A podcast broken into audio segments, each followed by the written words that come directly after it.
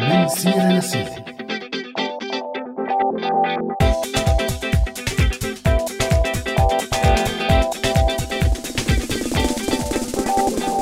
يسعد مساكم مستمعينا مستمعي راديو سوريالي بحلقة جديدة من برنامج من سيرة لسيرة على هوا راديو سوريالي. معي أنا عزة وكمان معي همام من وراء المايك. يسعد مساك همام مرحبا عزة يسعد مساكي ومسا كل مستمعينا عبر هوا راديو سوريالي. وقبل ما نقول شو موضوع حلقتنا لليوم بدي أسألك سؤال يا عزة. لسه ما بلشنا هات لنشوف تفضل. قديش بتفكري قبل ما تعملي أي اتصال وبشو بتفكري؟ يا حبيبي شو يعني ما فهمت عليك؟ يعني بشو بتفكري قبل ما تعملي أي اتصال؟ يعني حسب الاتصال لمين وليش؟ بفكر شو بدي أحكي وهيك. أيوه يعني بتركزي على موضوع المكالمة مو على تكلفة المكالمة. ومين ممكن يتجسس عليها ويسمعها وشو ضريبة إنك تحكي كل شيء وهيك شغلات يعني. آه فهمت عليك. لا مبلا هاي الحسابات كلها كنت أحسبها بس بسوريا بس. هلأ لا بصراحة خلص هلأ مو بس انت أكيد كل السوريين بيحسبوها لهي الحسابات وبكل الأحوال هذا هو موضوع حلقتنا لليوم. حلو قصدك الاتصالات بسوريا. وطبعا هذا الشيء معناه همام الاتصالات بكافة اشكالها من التليفون للإنترنت. وهذا الجانب من حياة السوريين صار كتير مختلف باختلاف مكانهم وباختلاف الشبكات يلي عم يتواصلوا من خلالها. ورح نحكي بحلقتنا كيف دخلت الاتصالات وخاصة الإنترنت لسوريا وكيف تعامل مع النظام السوري خلال فترة الربيع العربي وشو الشبكات اللي استخدموها وعم يستخدموها السوريين. وهي المواضيع رح نناقشها كمان مع ضيفنا الصحفي المهندس مؤيد الشيخ حسن من بعد ما نمسي على أماني معدة البرنامج وتيسير على الهندسة الصوتية. يسعد مساكم جميعا. تلفن عياش لما توقعنا وناطرينه تلفن عياش تلفن يعني الله يعينه. تلفن عياش تلفن تلفن عياش تلفن تلفن عياش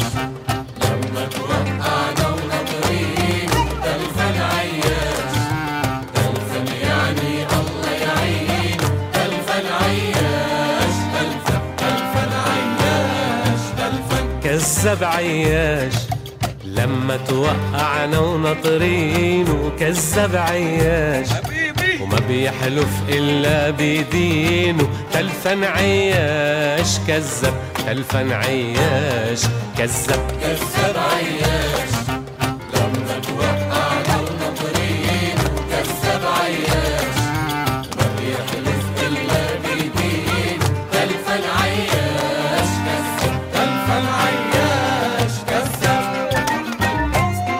وخليكم عم تواصلوا معنا مستمعينا برسالة صوتية أو مكتوبة على الواتساب على الرقم 00962 7798 512 10 وأكيد ما تنسوا صفحاتنا على مواقع التواصل الاجتماعي فيسبوك وتويتر.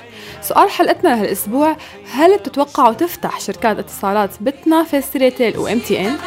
غط حمام وطار حمام. تلفن عياش.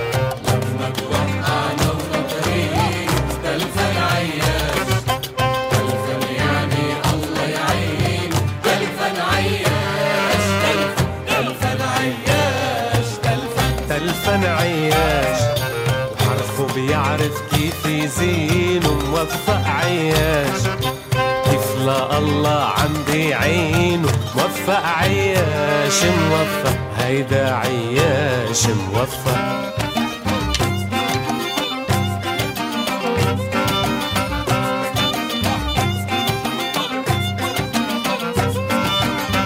تلفن عياش خبر ليه ما بيتلفن بيكذب عياش.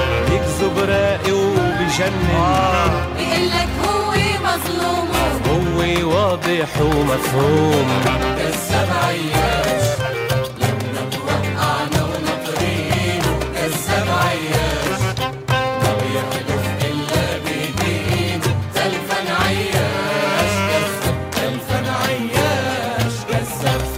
عياش ومثل العادي منعرف مينه تلفن عياش فشط يعني الله يعينه تلفن عياش فشط تلفن عياش فشط ورجعنا لكم مستمعينا أنتم عم تسمعونا على راديو سوريالي وببرنامجنا من سيرة لسيرة. معي أنا عزة وكمان في معي زميلي همام.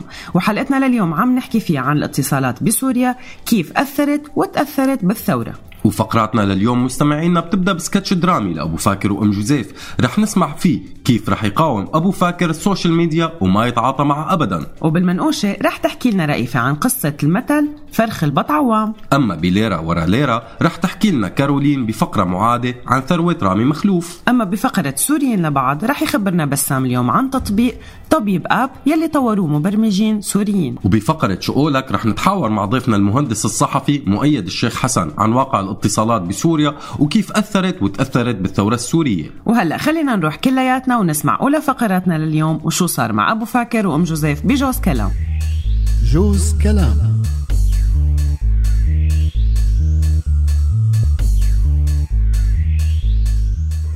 ها وها وها وهي سكرته. شو هو اللي سكرته؟ الفيسبوك. أوف. وليش بقى سكرته؟ هيك خلاص قررت بطل هذا الإدمان. مو معقول الحالة. بعدين يخرب بيتهم يخرب بيتهم شو حرامية. العمى ما في غير سرقة بيانات سرقة بيانات واستخدامها. لك وحتى شركات الاتصالات كمان عم يسرقونا ويبتزونا لأنه صاروا يعرفوا إنه ما عم نقدر نستغنى عن مواقع التواصل الاجتماعي والإنترنت. فبصيروا بيستغلونا وما في غير بيرفعوا هالأسعار. العمى. أيوه. وما فيك تكون صاحب إرادة وما تفتح الفيسبوك وقت ما يكون بدك مبلا بقدر بس هيك أحسن. بس لا تنسى إنه سرقة البيانات واستخدامها مو موقفة بس على الفيسبوك. بعرف. رح أوقف الإنستغرام وتويتر وسناب شات وكله. رح تقدر؟ رح أقدر. حتى الجوجل ما ما بدي آه، أفتحه خلص ما عاد بدي. يعني حتى ما بدك تستخدم الجوجل؟ يعني الصراحة ما بعرف قديش مقتنعة معك بس مثل ما بدك. لا. برجع للكتب برجع للكتب مثل ما كنت قبل 15 سنة. العمى أروق بكتير. طيب وشو مشان مسلسلاتك اللي عم بتتابعها على اليوتيوب؟ رح وقفها كمان واتفرج على المسلسلات اللي بتطلع على التلفزيون وخلص. طب وشو مشان وصفات الطبخ يلي بتطالعها من اليوتيوب من مواقع الطبخ؟ بكرة بنزل على الحلبونة بجيب لي كم كتاب طبخ شرقي غربي حلويات من لذي منه وبروق. طيب والتواصل مع الناس اللي برا؟ بحكي معه تليفون وببعت لهم رسائل. رسائل عادية يعني. والله إذا بتقدر تعمل يلي عم تحكي نيالك.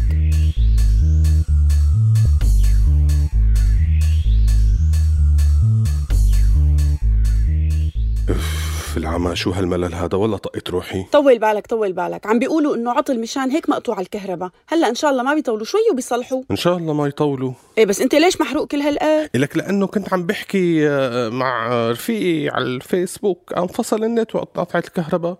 وكنت عم نزل آه، فيديو تعليم فطيرة الموز. ما كمل تنزيله. لا ما شاء الله. واضح إنك مقاطع مقاطعة شديدة وحدة. رح تخسر من وراها شركات الاتصالات ملايين. جوز كلام.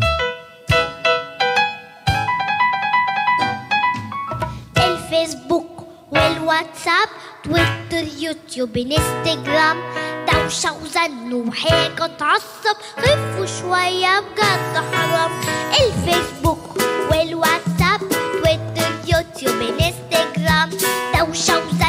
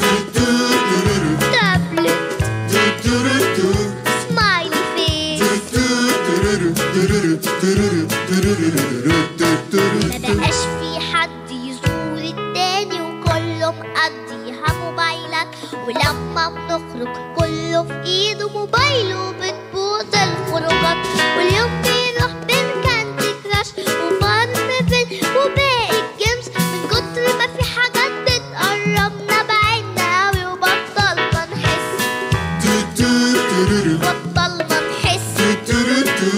اي حاجة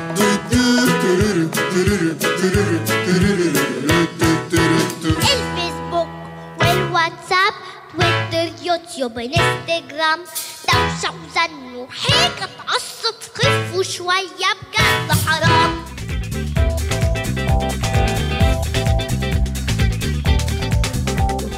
ورجعنا لكم مستمعينا أنتم عم تسمعونا على هوانا الافتراضي هوا راديو السوريالي ببرنامج من سيره لسيره وبحلقتنا لليوم يلي عم نحكي فيها عن الاتصالات بسوريا. ومن الشيء اللي كتير مهم إنه ينحكى على هذا الصعيد إنه قديش شهد موضوع الاتصالات انفتاح ملحوظ وواضح بسوريا بالسنين الأخيرة من حياة حافظ الأسد. بس هذا الانفتاح عزة ما كان له علاقة بحافظ الأسد نفسه يعني كان له علاقة ببشار الأسد. هلأ همام هذا اللي كان واضح بس هو بالحقيقة أو على الأقل أنا بعتقد إنه حافظ الأسد كان عم يحاول يقدم ابنه للشعب على أنه إنسان عصري ومنفتح ويوهمهم بأنه حكمه رح يكون أحسن من حكم أبوه. يعني قصدك أنه كان عم يقنع الشعب بابنه؟ تماما مشان لما يقدمه كرئيس مستقبلي لسوريا تكون الناس مقتنعة من قبل وما يعملوا أي مشاكل على تسليمه للحكم على أساس أنه هن مفكرينه الرئيس المنفتح العصري يلي رح تتعمر البلد وتنهض على إيده. وهو بالحقيقة هاد يلي صار ودخل الإنترنت والخليوي على البلد بهديك الفترة وعن جد بلشت العالم أو بعض منهم تشوفوا الرئيس المنفتح العصري يلي مهتم بإدخال التقنيات المتطورة على البلد. تمام وبسنة 2000 دخلوا شبكتين للهاتف الخليوي هن سيريتيل المملوكة لرامي مخلوف اللي هو مين؟ ابن خال بشار الأسد والواجهة الاقتصادية للعائلة الحاكمة والشركة الثانية هي MTN التابعة لمجموعة جنوب أفريقيا يلي بترجع ملكيتها لعائلة الميقاتي اللبنانية يلي بينقال كمان إنه في شراكة أصلا بينها وبين آل الأسد. ووقتها عزة تعرضت عقود الشركتين لانتقادات قوية بالشارع السوري نتيجة منع الحكومة السورية من تواجد أي منافس من شركات تانية بهذا المجال. واحتكار العقود لمدة طويلة فوقتها حكى عضو مجلس الشعب رياض سيف بالموضوع أكثر من مرة بمجلس الشعب. ويلي صار ويلي صار بعدين يا همام إنه اعتقل النظام السوري رياض سيف مع مجموعة من زملائه بمجلس الشعب. بسبب اعتراضهم على الصفقتين والاعتقال استمر لسنين. بس عزة برأيك ليش النظام ما كان بده أي منافس لهالشركتين؟ هلا أنا بظن في سببين الأول اقتصادي إنه مشان تكون عائدات كل هالقطاع رح راجع على النظام بشكل أو بآخر. طيب والسبب الثاني؟ السبب الثاني موضوع الرقابة الأمنية لما تكون شركات الاتصالات بإيدهم هم فيهم يتحكموا بشكل المراقبة وطريقة شغل أنظمة المراقبة والتجسس على كيفهم ويسجلوا مكالمات وكل هالحكي. أما لما تكون بإيد مستثمر خاص ما رح يكون بهالسلاسة. امم حق معك عزة يعني عن جد هي كانت نفس السياسة بس بغير أسلوب. مية بالمية. ولما أهل قبل قالوا لك فرخ البط عوام ما كذبوا يعني سياسته وسياسة أبوه وحدة ونفس العقلية ونفس التفكير. مية بالمية. بس دخلك عزة من وين إجا هالمثل إيه لا هي مو أنا بحكي لك إياها ولا للمستمعين عنا رئيفة بتحكي لنا إياها بطريقتها. فخلينا نروح مستمعينا ونسمع مع رئيفة.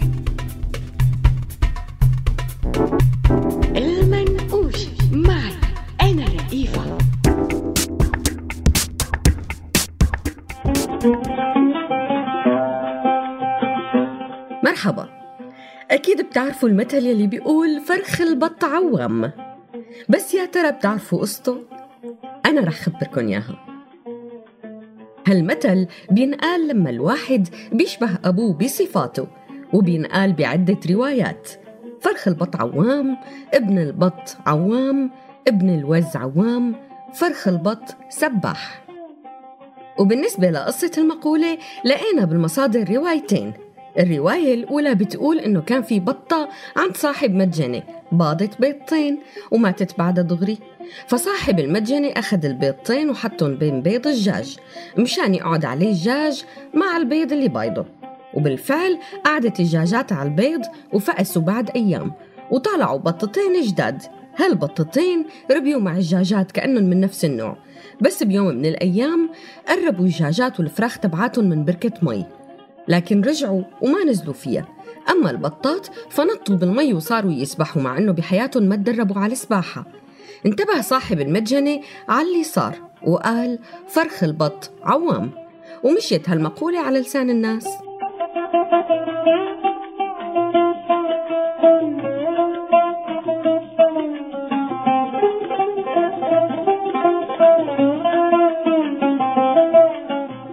أما الرواية الثانية فإلها علاقة بالبخل والبخلاء وبتقول الرواية إنه كان في واحد بخيل إجا لعنده ضيف وكان الضيف جوعان فبعت البخيل ابنه ليجيب نص رطل لحم ووقت وصل الولد لعند اللحام قال له اللحام رح أعطيك لحمة مثل الزبدة. فإجت للولد فكرة إنه ليش ما يجيب زبدة بدل اللحمة ويوفر مصاري؟ وحمل حاله ورح يشتري زبدة بدل اللحمة. فقال له البياع رح أعطيك زبدة مثل الدبس. ففكر الولد وقرر يروح يشتري دبس بدل الزبدة. ووقت وصل عند البياع قال له عندي دبس صافي مثل المي. ففكر الولد وقال ليش لا اشتري مي وفي ببيتنا بير ورجع الولد على البيت وإيديه فاضيين. سأله الأب ليش ما جبت اللحمة؟ فحكى له الولد القصة. قام قال له الأب أنت أكيد هريت صباطك من كتر اللف. قال له الولد لا أنا لبست صباط الضيف. وهالحوار بين الأب وابنه سمعوا الضيف فقال فرخ البط عوام ومشيت هالمقولة على لسان الناس دلالة على توريث الصفات بين الأجيال. عجبتكم القصة؟ لا تنسوا تقولوا لنا رأيكم فيها وإذا عندكم معلومات تانية شاركونا إياها.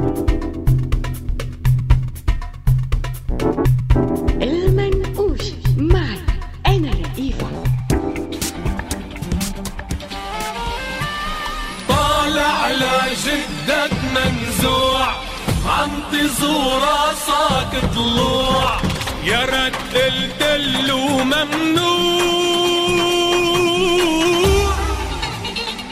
ريت ما كانت هالخلفة سألت على ستي مرة. قولي لي عن جدي نتفة. قالت كان عينه لبرا مثلك مش عاقل ولا نتفي وطالع على جدك منزوع. عم تزور راسك طلوع يا رد قلت له ممنوع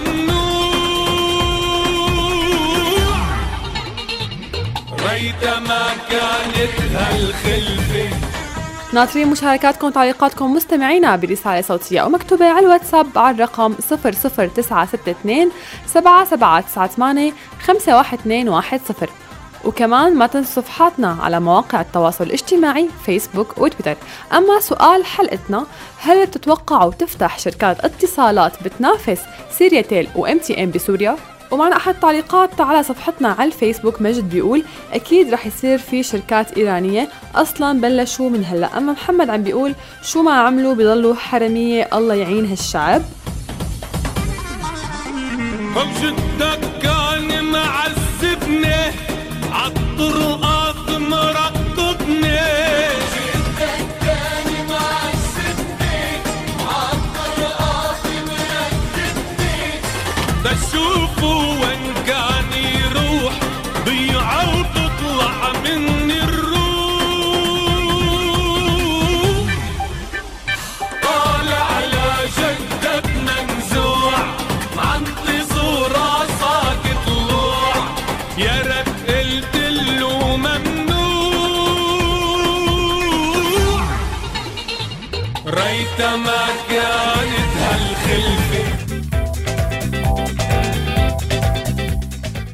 ورجعنا لكم مستمعينا أنتم عم تسمعونا على هوا راديو سوريالي ببرنامج من سيره لسيره واللي عم نتناول فيه موضوع اليوم الاتصالات بسوريا. وكنا عم نحكي عن بداية دخول الاتصالات والخليوي بسوريا وعن الرقابة الشديدة يلي انفرضت عليها. ومع أنه زاد عدد المستخدمين من 30 ألف بسنة 2000 ل 3 مليون ونص مستخدم بسنة 2010 بس الرقابة كانت شديدة على الاتصالات والإنترنت. وكثير من المواقع الإلكترونية كانت محجوبة بحجة أنها مواقع إسرائيلية أو إسلامية متشددة أو حتى مواقع كردية بتنادي بحقوق قومية الأكراد. بس بالحقيقة كان أي موقع مناهض للنظام أو بيجيب سيرة النظام بكلمة بينحجب حتى لو كان موقع ثقافي. وحتى بال 2007 حجبت السلطات السورية مواقع التواصل الاجتماعي مثل فيسبوك وتويتر ويوتيوب. ووقتها كانوا يلجأوا السوريين لبرامج لكسر الحجب إلى حتى يقدروا يوصلوا لهي المواقع. ولحتى يعملوا هذا الشيء كانوا يروحوا على مقاهي الإنترنت يلي كانت معباية البلد. بس مع هيك همام التجديد الأمني لحقهم على المراكز تبع الإنترنت وأصدرت الأجهزة الأمنية بال 2008 تعليمات لكل المقاهي بتسجيل البيانات الشخصية لكل حدا بفوت وبيستخدم الإنترنت مع تسجيل ساعة الدخول للشبكة وساعة المغادرة ورقم الجهاز كمان. وطبعا صاحب المقهى ملزم أنه يسلم كل هالمعلومات للأجهزة الأمنية إذا طلبوها. ونتيجة كل هالرقابة اعتقلت السلطات السورية كثير من الناشطين بتهمة الدخول لمواقع معادية للدولة والتواصل مع جهات معادية وقضوا سنين بالمعتقلات بدون محاكمات ومنهم التقني المبدع باسل الصفدي يلي اعتقلته قوات النظام السوري وأعدمته ميدانيا. مو بس الناشطين همام لك حتى مهندسين وفنيين بمجال الإنترنت والبرمجة والكمبيوتر لدرجة أنه كان النظام السوري بالمرتبة الثالثة بقائمة أسوأ عشر أنظمة بالعالم بخصوص اعتقال ومضايقة المدونين قبل ال 2011 بحسب لجنة حماية الصحفيين الدولية. يعني كان الموضوع كأنه رسالة للشباب السوري أنه دير بالك تستخدم الإنترنت بأي نشاط مخالف لتوجيهات النظام السوري. بس بال 2011 يعني بفترة انطلاق الثورات العربية وبخطوة غريبة من نوعها فكت السلطات السورية الحجب عن مواقع التواصل الاجتماعي وهذا الشيء أنا بعتقد أنه كان له دور كتير كبير بانتشار الاحتجاجات مم، يعني أنت هيك رأيك؟ إيه، أنا هيك رأيي أنت شو شو رأيك عندك رأي تاني؟ يعني أنا بقول إنه النظام ليش يفك الحجب بهي الطريقة؟ معقول إنه ما كان متوقع إنه الناس تنشر المظاهرات والنشاطات الثورية عن طريق هي المواقع ولا توقع وكان بده ها بده هذا الشيء وبده إياها تكبر؟ أو ممكن كان بده يشوف ويحصر مين اللي عم يقودوا الحراك لحتى يعتقلهم ويخلص من كل هالقصة. بس فجأة همام لقى حاله إنه ما مسيطر مع هي الأعداد الكبيرة اللي كسرت حاجز الخوف. بس بكل الأحوال ما عندي جواب دقيق تماما على سؤالك إنه ليش النظام فك حجب مواقع التواصل الاجتماعي؟ بس اللي بقدر أقوله إنه فعلا مواقع التواصل الاجتماعي ساعدت على انتشار الثورة بسبب انتقال الأخبار بسرعة ضمن سوريا. فمجرد ما يصير شيء بمنطقة تطلع المدن السورية كلها بمظاهرات وتتضامن معها. مشان هيك اتبع النظام أسلوب قطع الاتصالات والإنترنت لمنع وصول أي أخبار عن المظاهرات والاحتجاجات وقصف أبراج الاتصالات ليمنع أي حدا من استخدامها بأي شكل من الأشكال. وهون صاروا السوريين يدوروا على بدائل الاتصال مثل التواصل بتقنية البلوتوث وبعدين بالإنترنت الفضائي وبعدين بشبكات الاتصال والإنترنت الجاية من الدول الجوار مثل تركيا أردن والعراق. طيب عزة شو رأيك نطلع فاصل صغير ونرجع نكمل؟ إي والله أنا تعبت. بما إنه عم نحكي عن الاتصالات بسوريا فأكيد ما بنقدر نكمل حديث بلا مين رامي مخلوف وسيرته. فرح تستلم كارولين هالمهمه وتحكي لنا بفقرة معادة من أين لك هذا يا رامي مخلوف؟ ليرة ورا ليرة. معي أنا كارولين.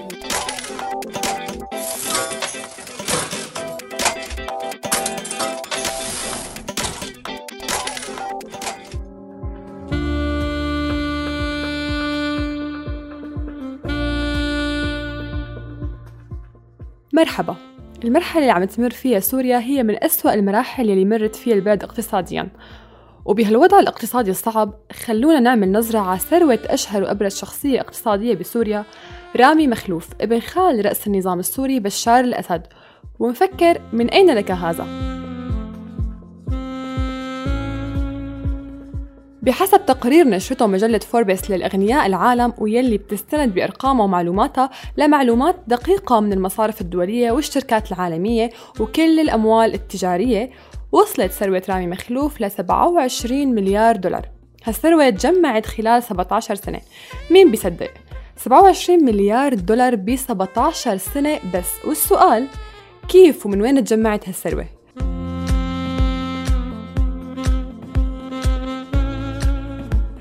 رح أترككم لكم الجواب مستمعينا. بس رح نحاول بهالحلقة نعرض قائمة بعض شركات رامي مخلوف واللي بحسب بعض الإحصائيات تبلغ 31 شركة. أكبرها شركة سرياتيل واللي له فيها رامي مخلوف 80% من الأسهم. قيمتها 48 مليار و240 مليون ليرة سوري.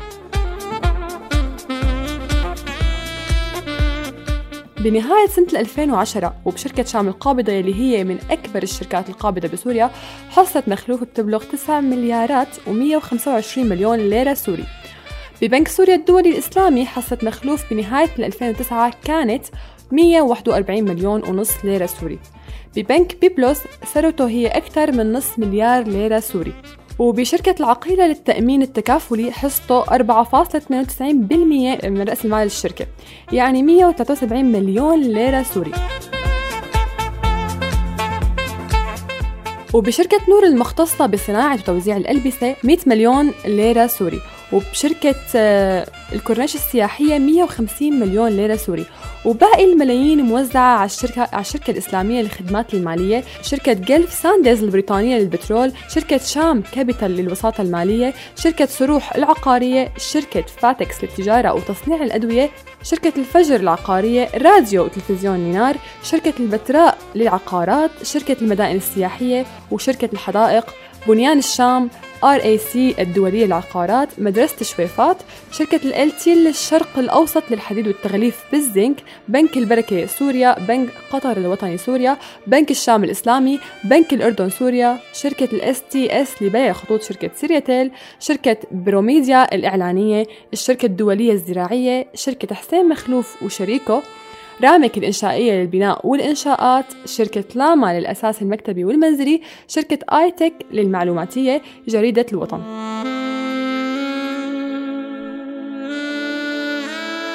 بالإضافة لهذا كله رامي مخلوف مستثمر ومحتكر السوق الحر بسوريا بفروعه بمطار حلب ودمشق ومينائي اللاذقية وطرطوس وحدود باب الهوى والجديدة ودرعا وما في مستثمر غيره بيقدر يدخل بهذا المجال. بالإضافة لامتلاكه ل 80% من أسطول جزيرة أرواد السورية وهو أكبر أسطول بالمنطقة لصيد السمك.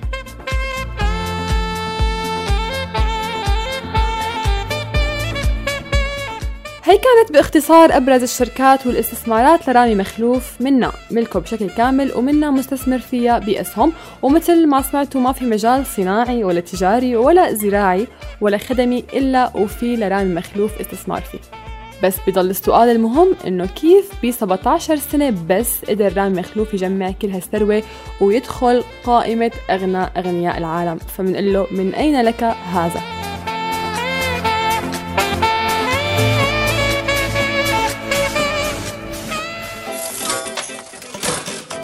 ليرة ورا ليرة. معي أنا كارولين.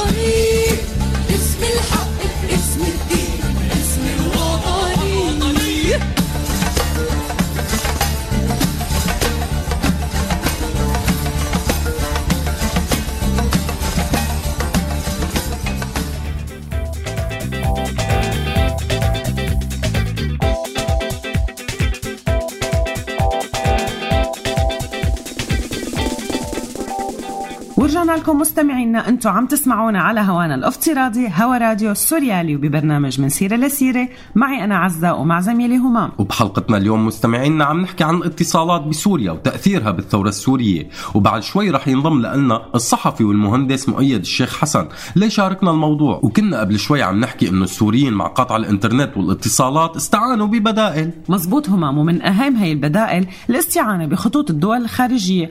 وهذا الخيار كان يزبط بالنسبة للساكنين على المناطق الحدودية القريبة ببعض المدن مثل مثلا درعا حلب وإدلب. واحيانا الدول نفسها ساعدت بهذا الشيء. يعني تركيا مثلا من وقت دخلت قوات الأراضي السورية قوت شبكات الاتصالات التركية مشان جنودها بالدرجة الأولى وثانيا لأنه سوق منيح حتى للسوريين يلي بدهم يستخدموا الخطوط التركية للاتصالات. وبدرعا نفس الشيء تقريبا صار على فكرة وقت قطع نظام النت صاروا الناشطين يتبادلوا مقاطع فيديو المظاهرات ويبعتوها عن طريق البلوتوث من واحد لواحد لحتى توصل لعند حدا يقدر يرفعها على اليوتيوب وهذا اللي كان يصير. بس بعدين صاروا كثير من أهالي درعا يستخدموا خطوط النت الأردني من خلال شركتين زين وأورنج يلي بيوفروا خدمة 4G لاسلكيه ونفس الشيء بالنسبة للسوريين على الحدود العراقية فكانوا يفضلوا يستخدموا شبكات العراق إذا قدروا يوفروها لأنه الجودة تبعها أحسن بكتير من الإنترنت المحلي الموجود بسوريا. ورغم انه السوريين بهالفترة عملوا إنجازات تقنية كتير كبيرة بس اكتفوا بوجود الشبكات الدول المجاورة وكانوا يلقطوا الخطوط عن طريق سيرفرات خاصة كانوا يركبوها. والإنجازات التقنية والتكنولوجية بالحقيقة كتيرة ورح نروح هلأ لعند زميلنا بسام ليحكي لنا عن واحدة من هالمبادرات السورية. سوريين لبعض. معي أنا بسام داوود لنحكي عن مبادرات فيها السوريين للسوريين. مرحبا. من أكثر الشغلات اللي بنشيل همها بسوريا هن الدكاترة. إنه نلاقي دكتور شاطر ونبقى على تواصل معه حتى لو طلع برا البلد. نقدر ناخد مواعيد بسهولة نحصل على استشارة سريعة وغيرها من هالأمور. ولحل هالمعضلة اجتمعوا فريق صغير من الشباب السوريين وقرروا يوظفوا التكنولوجيا بهالمجال من خلال تطبيق موبايل طبي بيسهل التواصل بين الأطباء والمرضى وبيساعد المرضى ليبقوا على اتصال دائم مع أطبائهم المفضلين حتى لو كانوا برا البلد.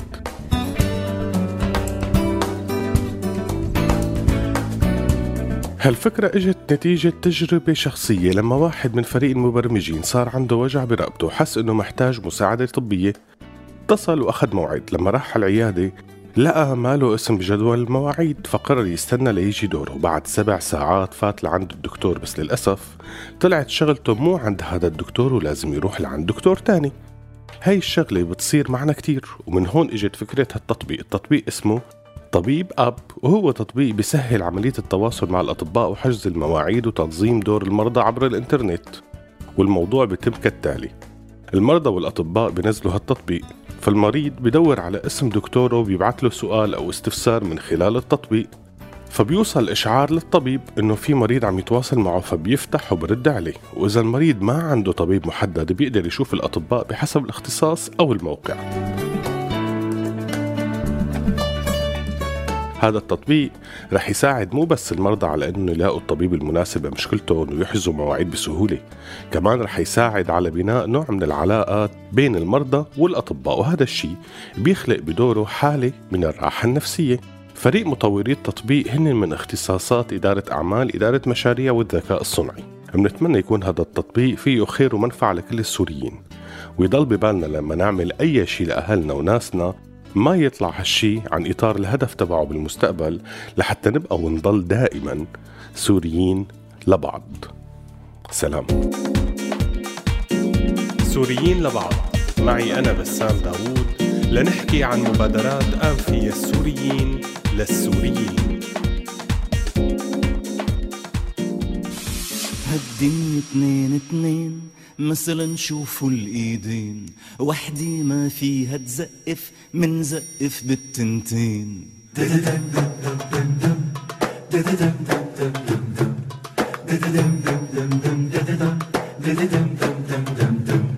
هالدنيا حب بحب قلبي بيخفق لقلب ما شفته مع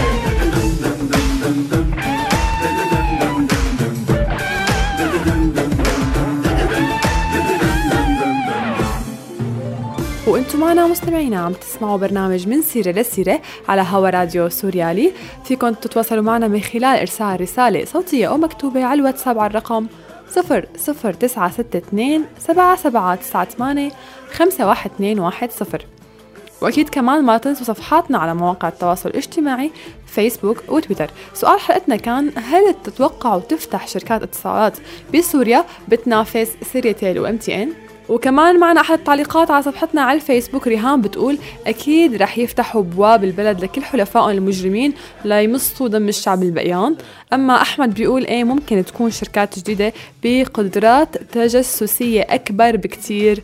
من هلا. عن جد الله يعين هالشعب شو بده يتحمل ليتحمل. آه كمان آه، معنا أحد التعليقات آه لبنى بتقول مستحيل هيك يصير لأنه رامي مخلوف ما بيقدر ينام إذا حدا ربح غيره من البلد. شكرا أصدقائي على مشاركاتكم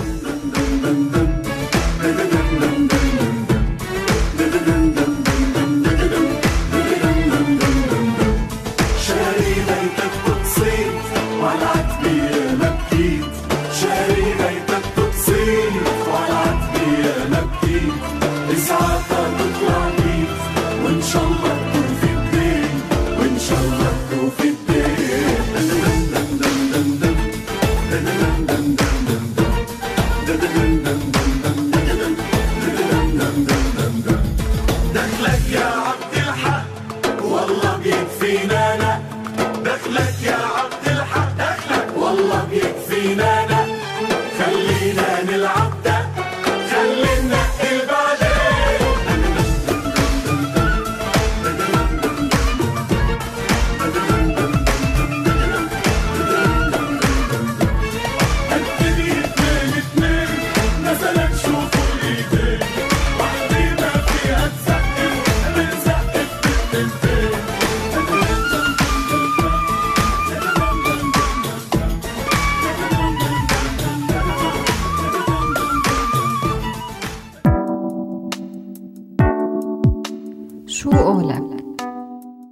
حافظ الأسد وطول فترة حكمه كانت الإنترنت وأي وسيلة تانية مشابهة هي شبه حلم للسوريين بسبب مراقبته الشديدة من السلطات السورية.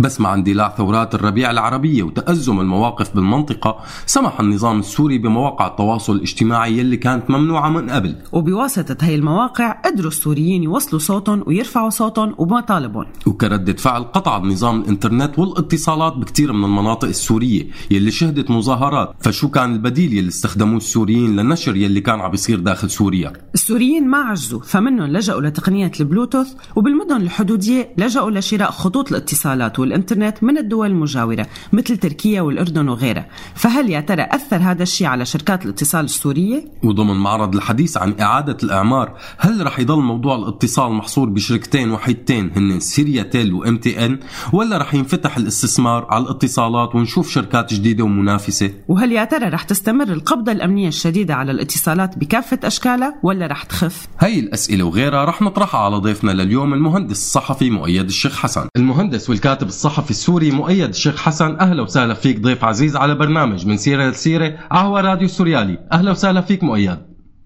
أهلا أهلا وسهلا. أهلا وسهلا فيك. يا هلا. بداية مؤيد دخلت الإنترنت على سوريا بالتزامن مع تقديم بشار الأسد كرئيس لسوريا بالسنين الأخيرة من حياة حافظ الأسد. هل هذا الشيء كان بيتعلق بشخصية بشار الأسد أو كان إدخال الإنترنت لسوريا بهديك الفترة لغرض أو لهدف محدد؟ هلا عمليا دخول الإنترنت لسوريا آه، ما له علاقة باستلام بشار الأسد للحكم آه، استلام بشار الأسد للحكم هلا. آه، هو تزامن مع استلام بشار الأسد.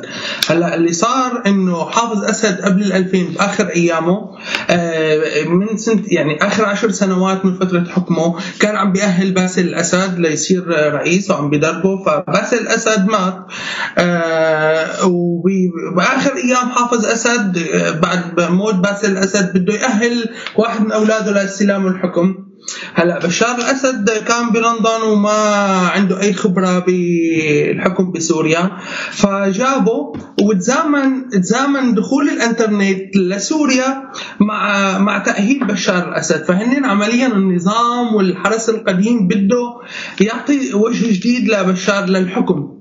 فاستغل دخول الانترنت والتكنولوجيا و- وهي المسائل بتلميع صورة بشار الأسد وتقديمه بشكل جديد عن الصورة اللي كان عليها حافظ أسد تمام.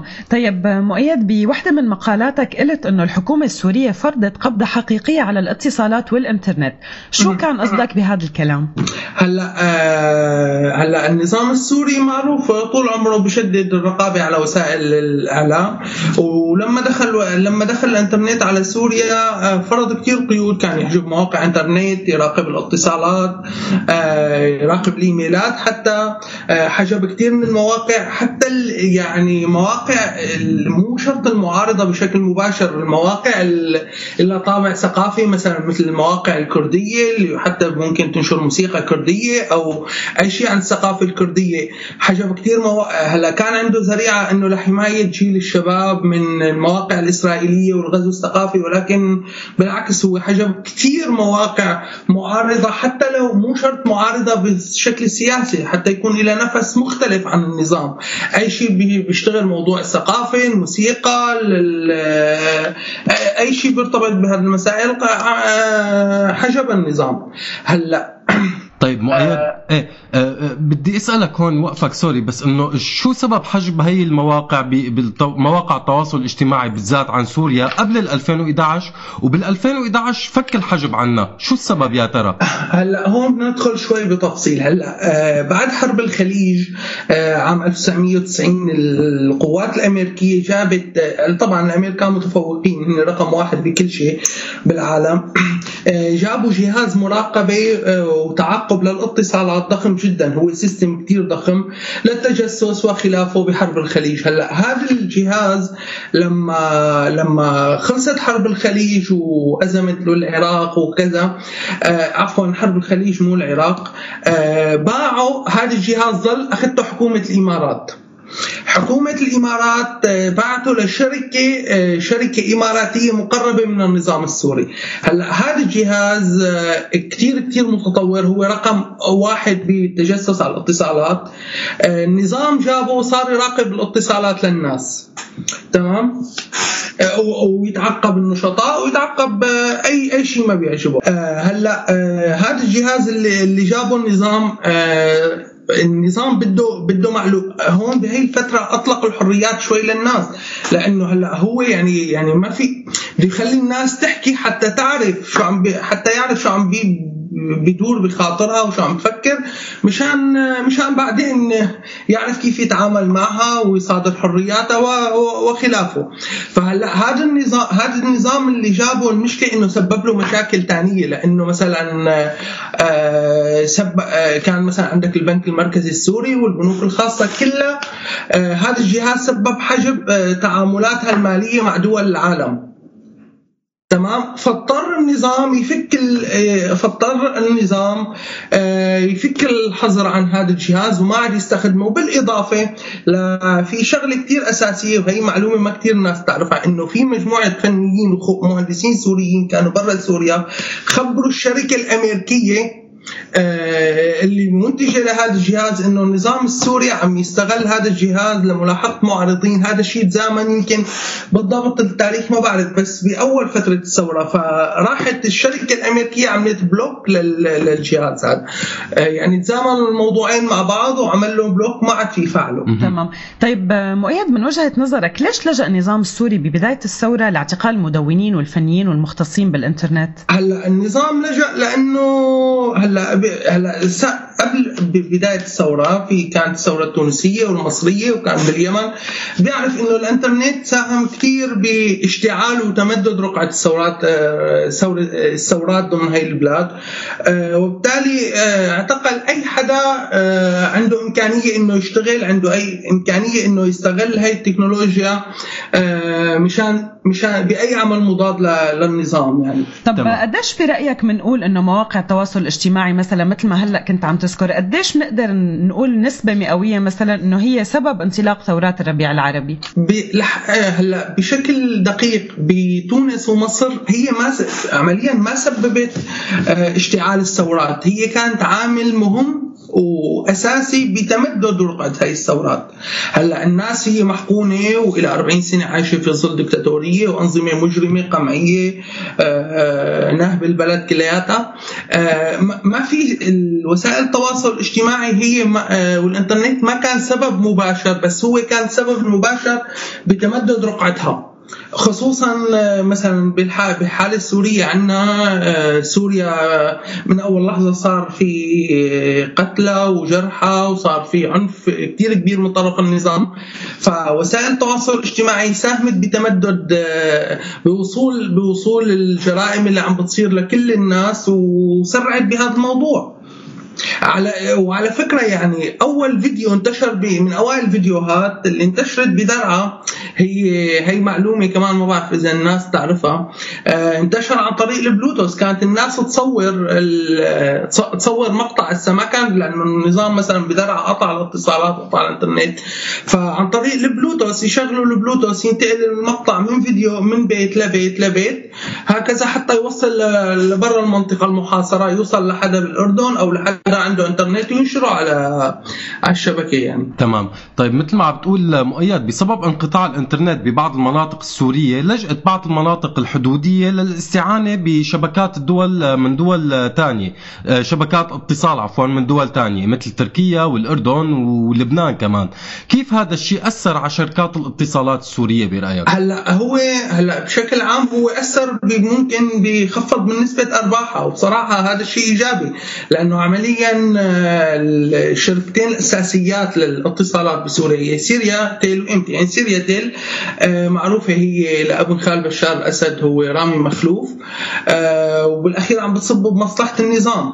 آه، حتى وحتى شركة إم تي إن بيقولوا إنه هن بشراكة مع آل ميقاتي بلبنان.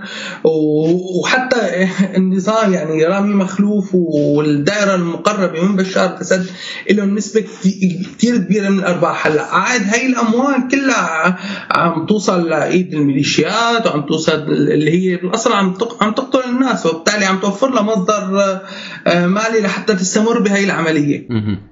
طيب آه، إذا بدنا نحكي مؤيد عن حاجة المواطن السوري شو هي الحاجات اللي ما عم تلبيها شركات الاتصالات الموجودة حاليا؟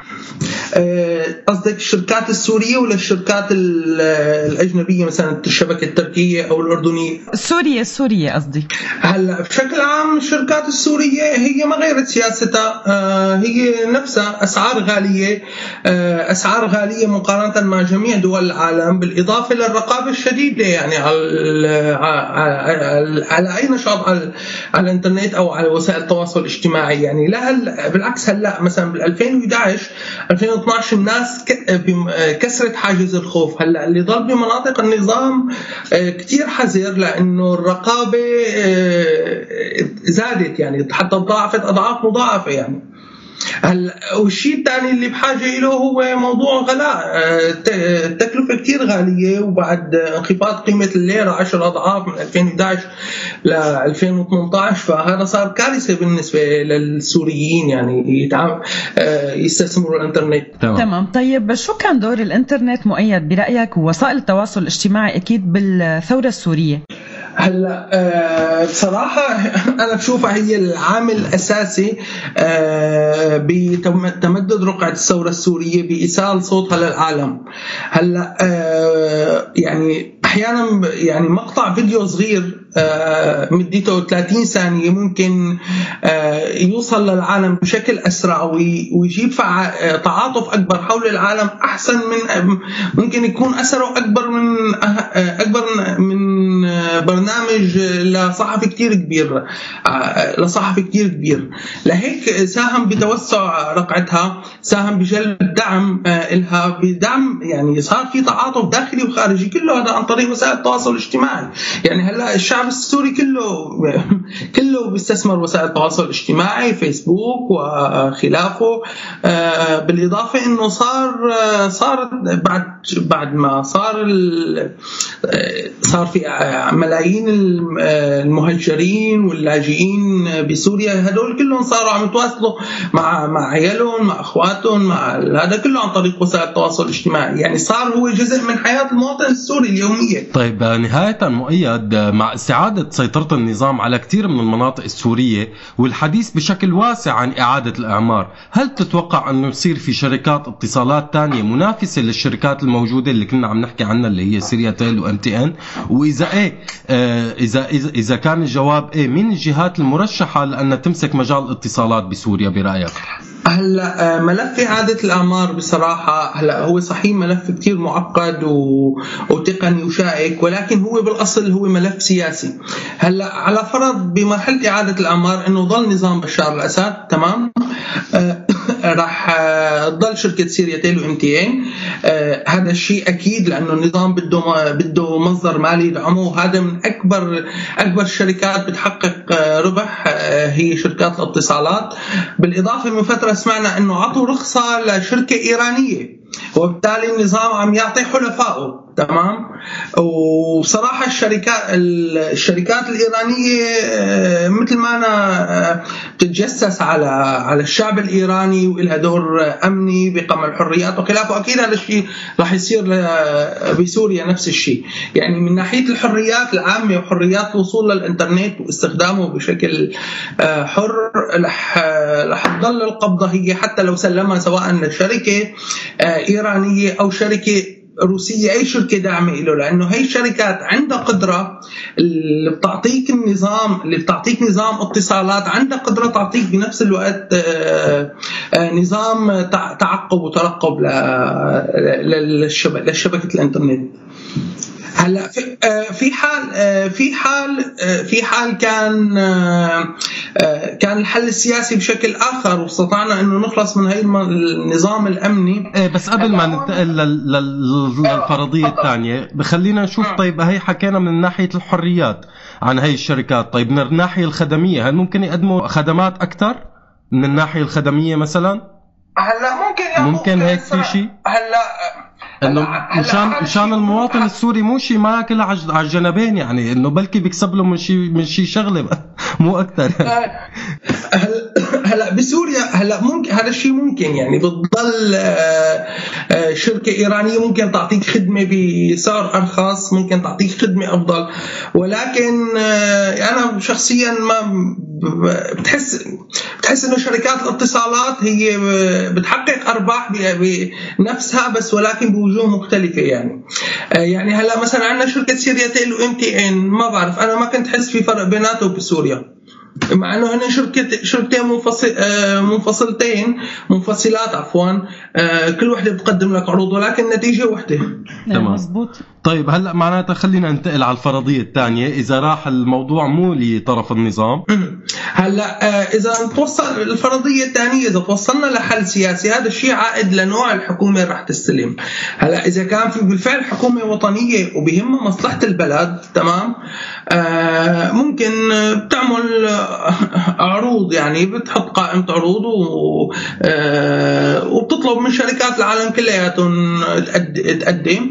وال والعرض ال- والعرض الأفضل والأفضل للشعب السوري بتاخده الشركة مهما كانت جنسيتها ممكن تكون فرنسية ممكن تركية ممكن أي شركة بالعالم. هلأ في حال ما كان في حكومة وطنية وهذا الشيء كثير ممكن يصير بالبلدان اللي طالعة من الحروب إنه اللي بيستلموا الحكم هن أشخاص ما هم وطنيين معين معينين بس لتسيير أمور البلد تحقيق مصالح خارجية.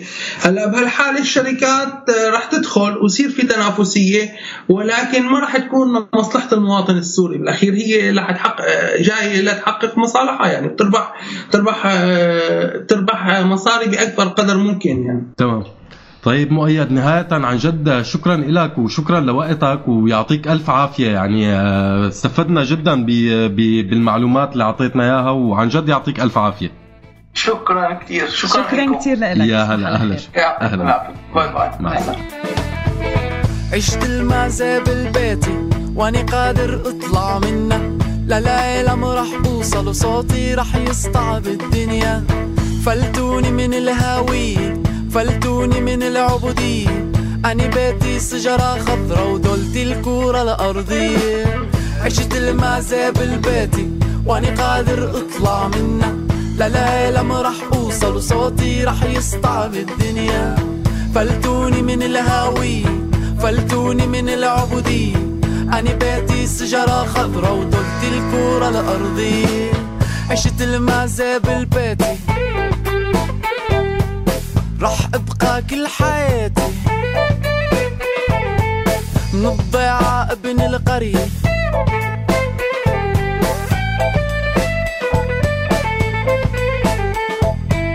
عيشت ببساطة وحافي.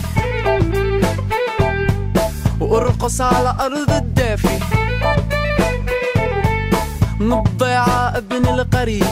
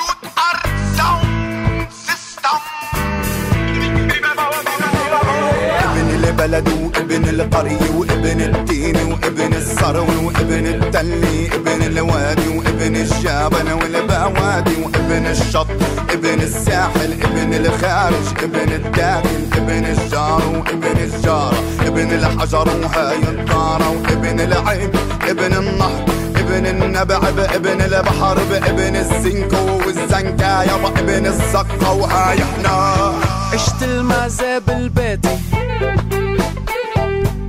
راح أبقى كل حياتي. من الضيعة ابن القرية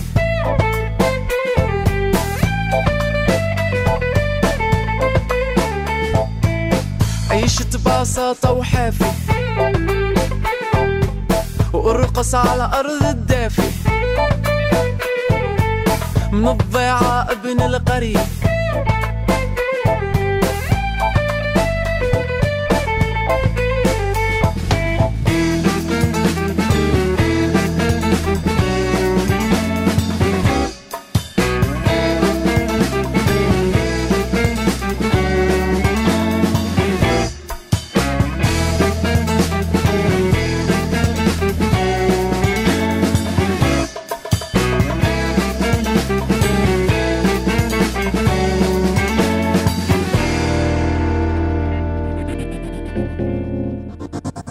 شو في ما في ورجعنا لكم مستمعينا أنتم عم تسمعونا على هوانا الافتراضي هوا راديو السوريالي ببرنامج من سيرة للسيرة. معي أنا همام وزميلتي عزة وهلا وصلنا لفقرة شو في ما في على السوريالي. على سوريالي وقبل فترة بلشنا بفقرة جديدة ضمن فترة الحكاية وهي فقرة حكاية وانحكت يلي بتسرد قصص سورية من واقع السوريين. فريق عمل البرنامج هو الزميل بسام داوود وزميلنا إياد كلاس وزميلتنا أليس الشامي. البرنامج بتسمعه كل يوم تنين ضمن فترة الحكاية الساعة 9 المساء عبر راديو سوريالي. وبرنامج حكاية وانحكت هو بالتعاون مع موقع حكاية ما انحكت. وإذا متشوقين مستمعينا لهالبرنامج فبتلاقوا الحلقات الخمسة يلي انبثت لهلا على موقعنا على سوريالي dot net أو على أرشيفنا على ال SoundCloud. فاسمعوهم وانطروا الحلقات الجديدة من حكاية وانحكت. وهلا طالعين فاصل صغير وراجعين من بعده.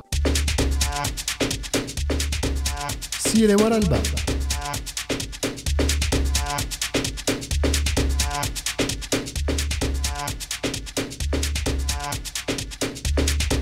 ورجعنا لكم مستمعينا مع سيرتنا يلي من وراء الباب وهالمرة رح تكون من الأردن حيث أعلنت وزير الدولة لشؤون الإعلام فيها والناطق الرسمي باسم الحكومة الأردنية جمانة غنيمات أنه معبر نصيب الحدودي وبحسب الاتفاق بين حكومتها وحكومة النظام السوري رح يصير ينفتح لمدة 8 ساعات يوميا. وبموجب الاتفاق كمان بيقدر الأردني المقيم بسوريا يدخل للأردن وللسوري المقيم بالأردن عن طريق المركز الحدودي بشرط تكون وثائق السفر معه سارية المفعول. ومسموح للسوري السوري الجاي للأردن من سوريا يفوت بعد حصوله على موافقة أمنية مسبقة. أما الشحن فبيقدر الشحن السوري يفوت على الأردن بعد اتخاذ إجراءات التفتيش ومسموح للسوري الحاصل على بطاقة مستثمر يفوت بدون أي موافقة أمنية مسبقة. أما بالنسبة للنقل العام فمسموح لسائقين السيارات السورية العمومية يفوتوا للأردن لنقل المسافرين بدون موافقة مسبقة. ولهم مستمعينا بيكون خلص مشوارنا لليوم. بدنا نتشكركم على استماعكم وتواصلكم ومشاركتكم معنا للأسبوع الجاي. ضلوا بخير. وأنا بدوري كمان بدي أشكركم مستمعينا وبدي أشكر أماني أكيد معدة البرنامج. وغالي على متابعة التعليقات وأكيد بدي أشكر تيسير على الهندسة الصوتية. وهلأ رح وداكم على خير وعلى أمل اللقاء. كنت معكم أنا عزة. وأنا همام. بياعة الزنبق بساحة الميسات. باعت خمس باقات بياعة الزنبق بساحة الميسات باعت خمس باقات وحدي إلي ومني إلك بس تنزلي سبع سماوات. وحدي لمين؟ مدري لمين؟ بس عالأكيد مو حزين.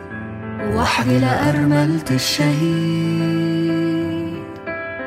شاريته قبل الغلا صبحية يوم العيد.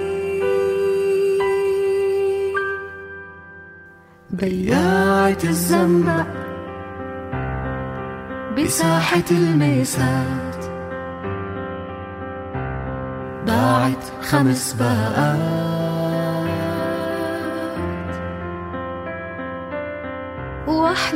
لأم بتموت عالزنبق البلدي وبتنوح يا ولدي يا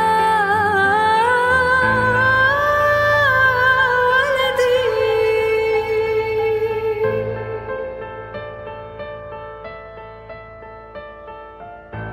وآخر وحدة لقاتل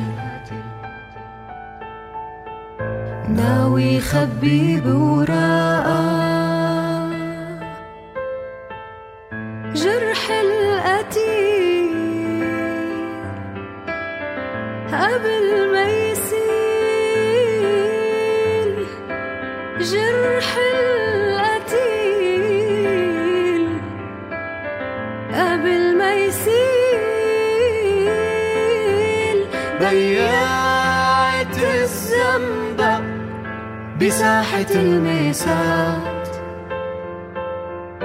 نفقت كل الباقات.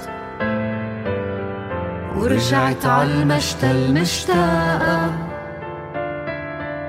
زرعت قصبي عالعشرة العشرين